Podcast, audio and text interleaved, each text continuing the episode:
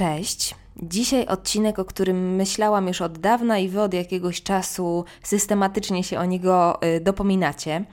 Mowa będzie o moim podejściu do minimalizmu, ale nie tylko, bo chciałabym w ogóle porozmawiać o potrzebie posiadania przedmiotów, o chomikowaniu, o sile trendu, no i o tym, dlaczego warto bardziej być niż mieć. Przynajmniej tak sobie założyłam, a zobaczymy, do czego mnie ten dzisiejszy bełkot zaprowadzi. Wydaje mi się w ogóle, że timing na tę pogadankę jest całkiem niezły, dlatego że większość z nas siedzi obecnie w domach z wiadomych przyczyn e, i jedni wydają kasę na potęgę w internecie, bo próbujemy sobie jakoś brak innych bodźców, interakcji, atrakcji e, zrekompensować, a drudzy mocno zaciskają pasa i frustruje ich fakt, że nie mogą sobie na niektóre rzeczy pozwolić.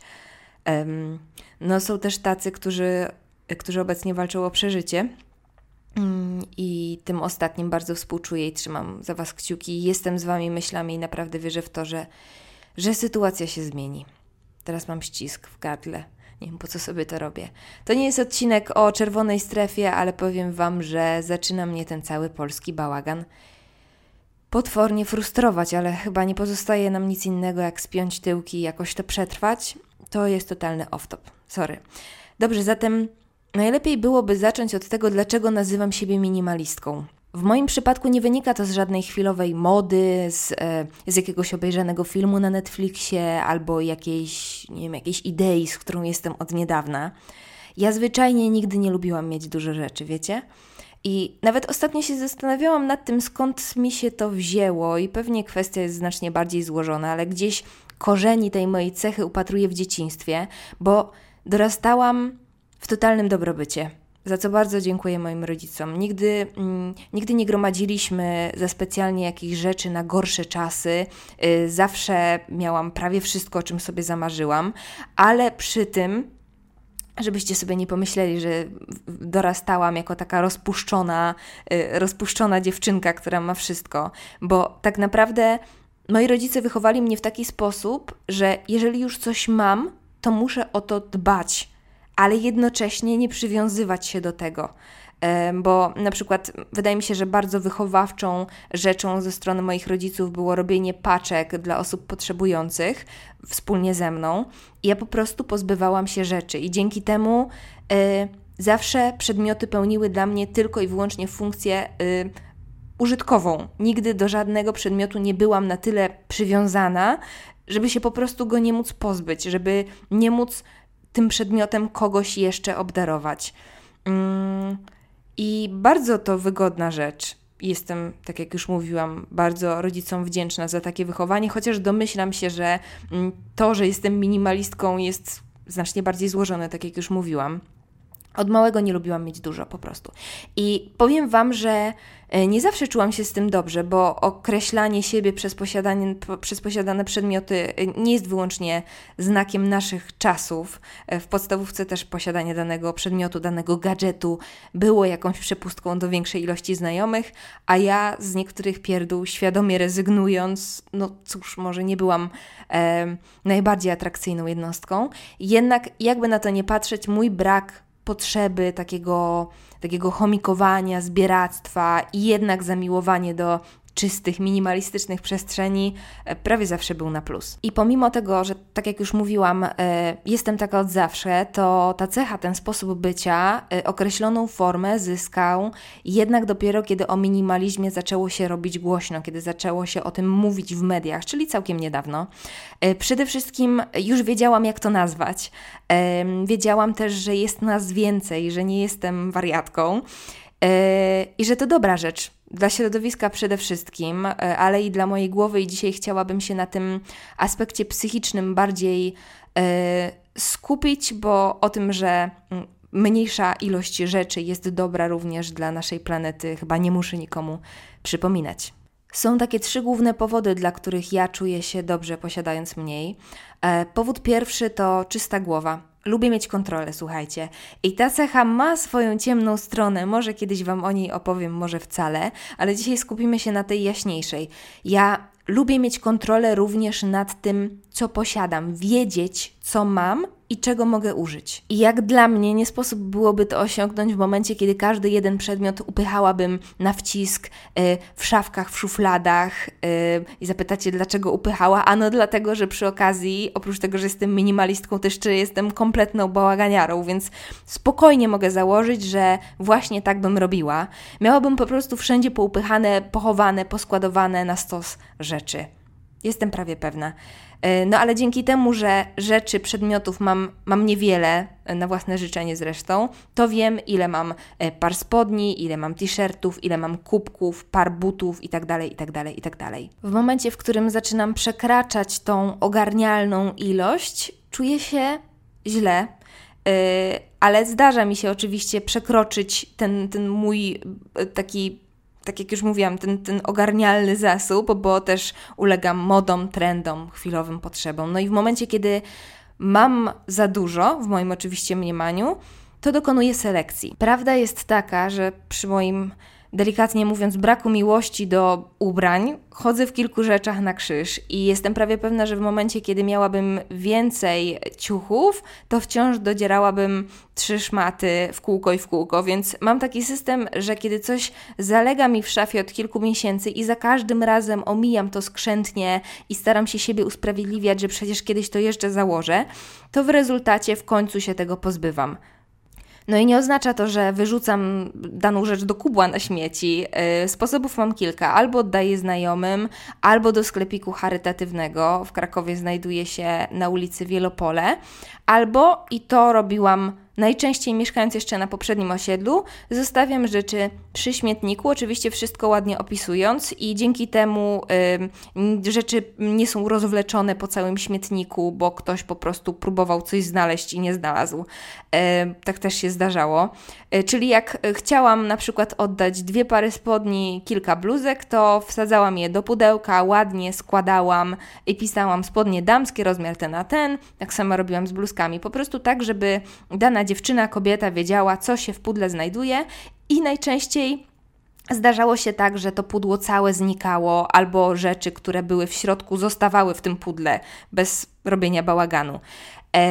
Mieszkałam w nie najbogatszej dzielnicy, więc jestem prawie pewna, że te rzeczy jeszcze kogoś ucieszyły. E, I tak naprawdę opcji jest cała masa, więc jeżeli Wy chcecie się pozbyć czegoś, co Wam w szafie czy na półce zalega, to na pewno znajdziecie coś dla siebie. E, trzeba tylko dobrze poszukać. Mm, jest też opcja sprzedaży internetowej. Ja nie jestem wielką fanką Vinted na przykład. E, zwykle lubię rzeczami obdarowywać, ale chyba Ech, chyba niedługo będę zmuszona tam kilka szmatek wystawić, bo w trakcie przeprowadzki odkryłam dodatkowe pudło z praktycznie nowymi rzeczami, które sobie w ogóle spakowałam jeszcze dwa mieszkania dalej yy, i później ten rok przemieszkałam z tym pudłem odłożonym.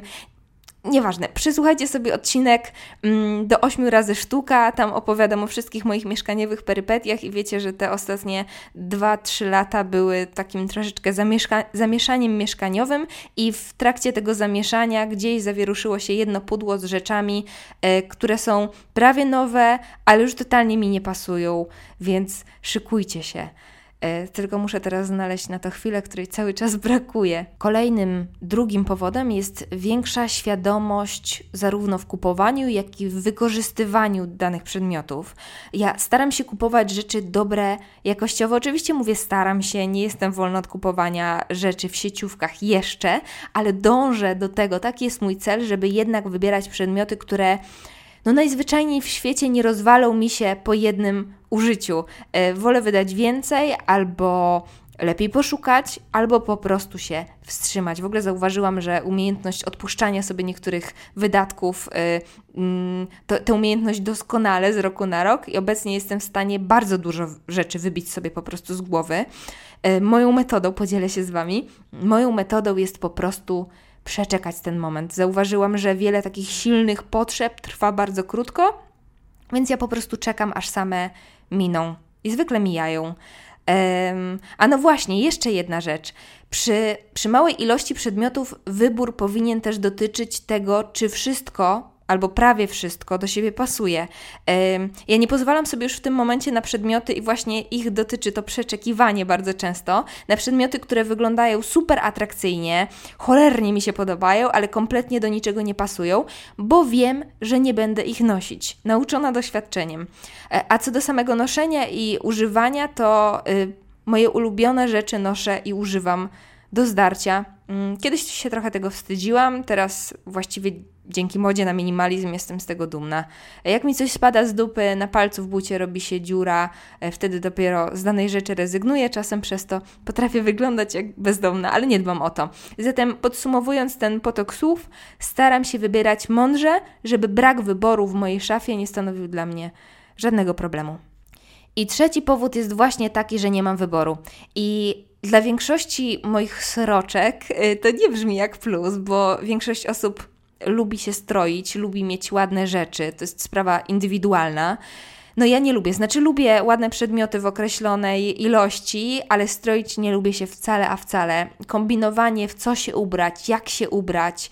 Nie daj panie losie, jak dobrać kolory jest dla mnie po pierwsze misją niemożliwą w przypadku tych kolorów, a po drugie jest oczywiście według mnie marnowaniem czasu. Mm, wciąż pracuję nad taką szafą, żebym mogła wyciągnąć z niej cokolwiek i żeby do siebie pasowało. Już w pewnym sensie pomału mi się to udaje przez dobór kolorów, e, a dokładnie ich brak. W szafie mam prawie wyłącznie czarne rzeczy i jestem z tym ok. Pewnie dla części z Was brzmi to, co przed chwilą powiedziałam, dziwacznie i smutno, ale zapewniam Was, że ja jestem z tym szczęśliwa. E, I żeby była jasność, nie nagrywam tego słuchowiska po to, żeby kogokolwiek uczynić minimalistą. Każdy sobie robi co chce i ja to bardzo szanuję. Y, wierzę, że taka potrzeba, którą mam ja, y, albo brak potrzeb, y, to cecha osobnicza i głupotą z mojej strony byłoby wierzyć, że kogokolwiek nawrócę. Zresztą nawet bym nie chciała, wiecie? Ludzie są cudowni w całym swoim kolorycie, ale jednak uważam, że taki spokojniejszy materializm, taki nieco bardziej stonowany, który ja nazwałam sobie na potrzeby tego odcinka mini materializmem, i pewnie tak ten odcinek nazwę, śmieszne słowo, jest zwyczajnie zdrowszy, zwłaszcza w dzisiejszym świecie. Zacznijmy więc od podstaw.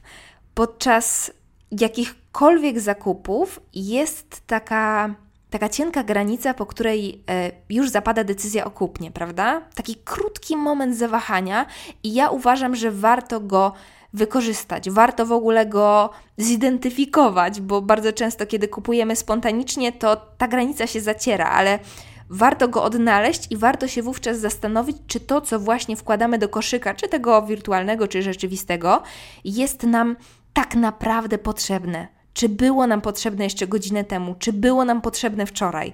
Bardzo często odpowiedź brzmi nie. I według mnie winę za taką postać rzeczy mm, ponosi nie kto inny, jak mój ukochany duet, czyli internet i moda. Dla mnie obecnie to jest już taka, taka nierozerwalna para i tak będę ją traktować w ogóle. E, no bo tak naprawdę to już nie czytamy kolorowych magazynów, prawda? Typu Avanti na przykład, albo nie obserwujemy zmieniających się witryn sklepowych, albo obserwujemy, ale nie na pewno po to, żeby sprawdzić, co się teraz nosi. Wszystko, co wiemy o trendach, wiemy z internetu. A ten zrobi wszystko, żeby dopasować do nas swoją treść w taki sposób, żebyśmy cały czas chcieli więcej, więcej, więcej i więcej. Tylko czy właśnie to jest to główne pytanie dzisiejszego odcinka: czy to więcej tak naprawdę jest nam potrzebne? Odpowiedź brzmi nie, ale jeszcze sobie do tego dotrzemy. Internet prezentuje nam to, co akurat jest na topie, prawda? Będzie powtarzał daną treść w kółko i w kółko tak długo, aż w nią uwierzymy. Uwierzymy, że naprawdę potrzebujemy danej rzeczy. W ogóle miałam ostatnio taką rozkminę. Zaczęłam się zastanawiać nad tym, jaką moc ma trend. Jakby ktoś na przykład 10 lat temu powiedział nam, że będziemy chodzić w szerokich spodniach z wysokim stanem, chociaż nie, to by było akurat do przeżycia, ale na przykład w wielkich butach sportowych typu Balenciaga albo że dzwony wrócą do łask, to byśmy tej osobie na 100% popukali w czoło i w życiu wówczas nie założylibyśmy tych rzeczy, bo uznalibyśmy je za obciachowe i nieforemne. I takim najjaskrawszym według mnie przykładem tego roku są kroksy, które ja osobiście uważam od lat za najwygodniejsze buty świata. Mam, mam e, jedną taką swoją ukochaną parę, bardzo sobie chwalę, no ale jednak bym w nich z domu nie wyszła chyba że do osiedlowego, bo nawet pomijam już fakt jakiegokolwiek wstydu i obciachu, e, po prostu do niczego by mi nie pasowały. I słuchajcie, wystarczyła jedna relacja na Insta Stories jednej z naszych polskich trendseterek, żeby określony model kroksów, powtarzam, kroksów, butów, które były swojego czasu okrzyknięte najpaskudniejszymi butami świata, został kompletnie wykupiony. I jeszcze tego samego tygodnia widziałam laski popylające w kroksach po mieście. Nie widzę w tym absolutnie nic złego, ale domyślam się, że to są te same laski, które jeszcze tydzień wcześniej w życiu nie założyłyby takich butów nawet po domu nie założyłyby, ale nagle coś, co jeszcze chwilę temu nas obrzydzało, bo kroksy mm, budziły skrajne emocje, stało się trendem. I z tym trendem pojawiła się wielka potrzeba posiadania tej rzeczy. Podkreślam, chwilowa potrzeba. Oczywiście na modzie się nie znam, ale nie, też nie chcę prognozować, ale jestem prawie pewna, że w przyszłym roku nikt kroksów nie założy. No chyba, że po domu albo do pracy, kiedy, kiedy jest nam po prostu potrzebne wygodne obuwie. Naprawdę gorąco zachęcam Was do takiego wybiegania myślami przy zakupach. Czy jest mi to potrzebne? Czy było mi to potrzebne jeszcze przed chwilą? Czy będzie mi to potrzebne za miesiąc, za rok? Jeżeli odpowiadamy sobie przecząco, no to zastanówmy się, czy tak naprawdę warto. Istnieje też moja pięta achillesowa, czyli przemysł beauty. Na kosmetyki potrafię przepuścić dużo, to jest żadna tajemnica, ale też nie posiadam ich dużo, bo staram się takie dobierać i inwestować w takie produkty, które nie zajmą mi dużo miejsca na półce. Y, nie za specjalnie też się maluję, ale jednak potrafię podejmować w kwestii kosmetyków spontaniczne wybory, czasami bardzo spontaniczne i bardzo złe, chociaż doskonale wiem, jak to działa i strasznie mnie to frustruje. Branża kosmetyczna jest czymś, co obecnie już od kilku dobrych lat rośnie w siłę i bazuje na. No właśnie, tu możecie się ze mną nie zgodzić, ale jak tak sobie wszystko człowiek przeanalizuje, dobrze się temu przyjrzy, samemu sobie się przyjrzy, to dochodzi do wniosku, że jednak bazuje na naszym braku pewności siebie, na naszym ciągłym głodzie wyglądania lepiej i lepiej i lepiej i lepiej, na tuszowaniu wszelkich niedoskonałości. I powiecie, hej, ale ciało pozytywność, a ja Wam mówię, marki wykorzystujące ciało pozytywność też na nas zarabiają, po prostu wykorzystują inne środki. Z jednej strony jesteśmy bombardowani, bombardowane perfekcją, do której chcemy dążyć, a z drugiej ładnie opakowanym brakiem perfekcji, z którym się utożsamiamy, więc też chcemy się ładnie opakować. To jest taka rzecz, od której nie uciekniemy, ani ja, ani wy, ale wciąż możemy zadawać sobie pytanie o zasadność naszych wyborów. Tego nikt nam nie zabroni. Trochę roztaczam mroczną wizję, tym nikt z nas od tego nie ucieknie, ale sami przyznacie mi rację, że obecnie jest po prostu bardzo ciężko kompletnie się od tego odseparować, od tych wszystkich bodźców, które nawalają na nas ze wszystkich stron. Żyjemy w świecie, w którym przedmioty bardzo nas określają. Lubimy mieć metki. To jest w ogóle ciekawy aspekt dzisiejszych czasów. Lubimy wyglądać, jakbyśmy byli bogatsi niż jesteśmy w rzeczywistości. I to jest strasznie bolesna rzecz się w ogóle do tego przyznać. Sama swojego iPhone'a wzięłam na kredyt i wiem, że to jest durne, bo nie było mnie kompletnie na niego stać, a jednak chciałam mieć telefon z jabłkiem. Wcale nie dlatego, że jest jakiś super lepszy, oczywiście wiem, że zdania w tej kwestii są podzielone, ale ja, ja jako jaja, ja jako Iga, chciałam po prostu mieć iPhone'a dla samego faktu posiadania iPhone'a. Lubimy mieć markowe ciuchy, chociaż marka nie zawsze jest wyznacznikiem jakości. Czasem oczywiście jest, ale nie zawsze. Poza tym zastanówmy się, yy, czy przy podejmowaniu wyboru tak bardzo zależy nam na jakości, czy nie bardziej jednak na marce, którą chcemy błysnąć w towarzystwie czy na Instagramie. Pewnie nie wszyscy się ze mną zgodzą, pewnie część będzie krzyczeć, ale jestem prawie pewna, że wśród tych krzyczących znajdą się osoby, które dobrze wiedzą, że tak właśnie jest, ale nie chcą się do tego przyznać. Chcemy mieć rzeczy drogie, bo uznajemy, że to podnosi nasz społeczny status. Czujemy się lepiej w czymś, co czyni nas na pozór bogatszymi. Wydajemy pół swojej pensji na przedmioty, które, ma, które mają podnieść nasz status. pozostając z połową pensji, która ledwo pozwala nam na przeżycie. Czujecie absurd? Oczywiście mówię tu o skrajnych przypadkach, ale zdziwilibyście się, ile jest takich osób, które swój ostatni grosz są w stanie wydać na jakąś błyskotkę.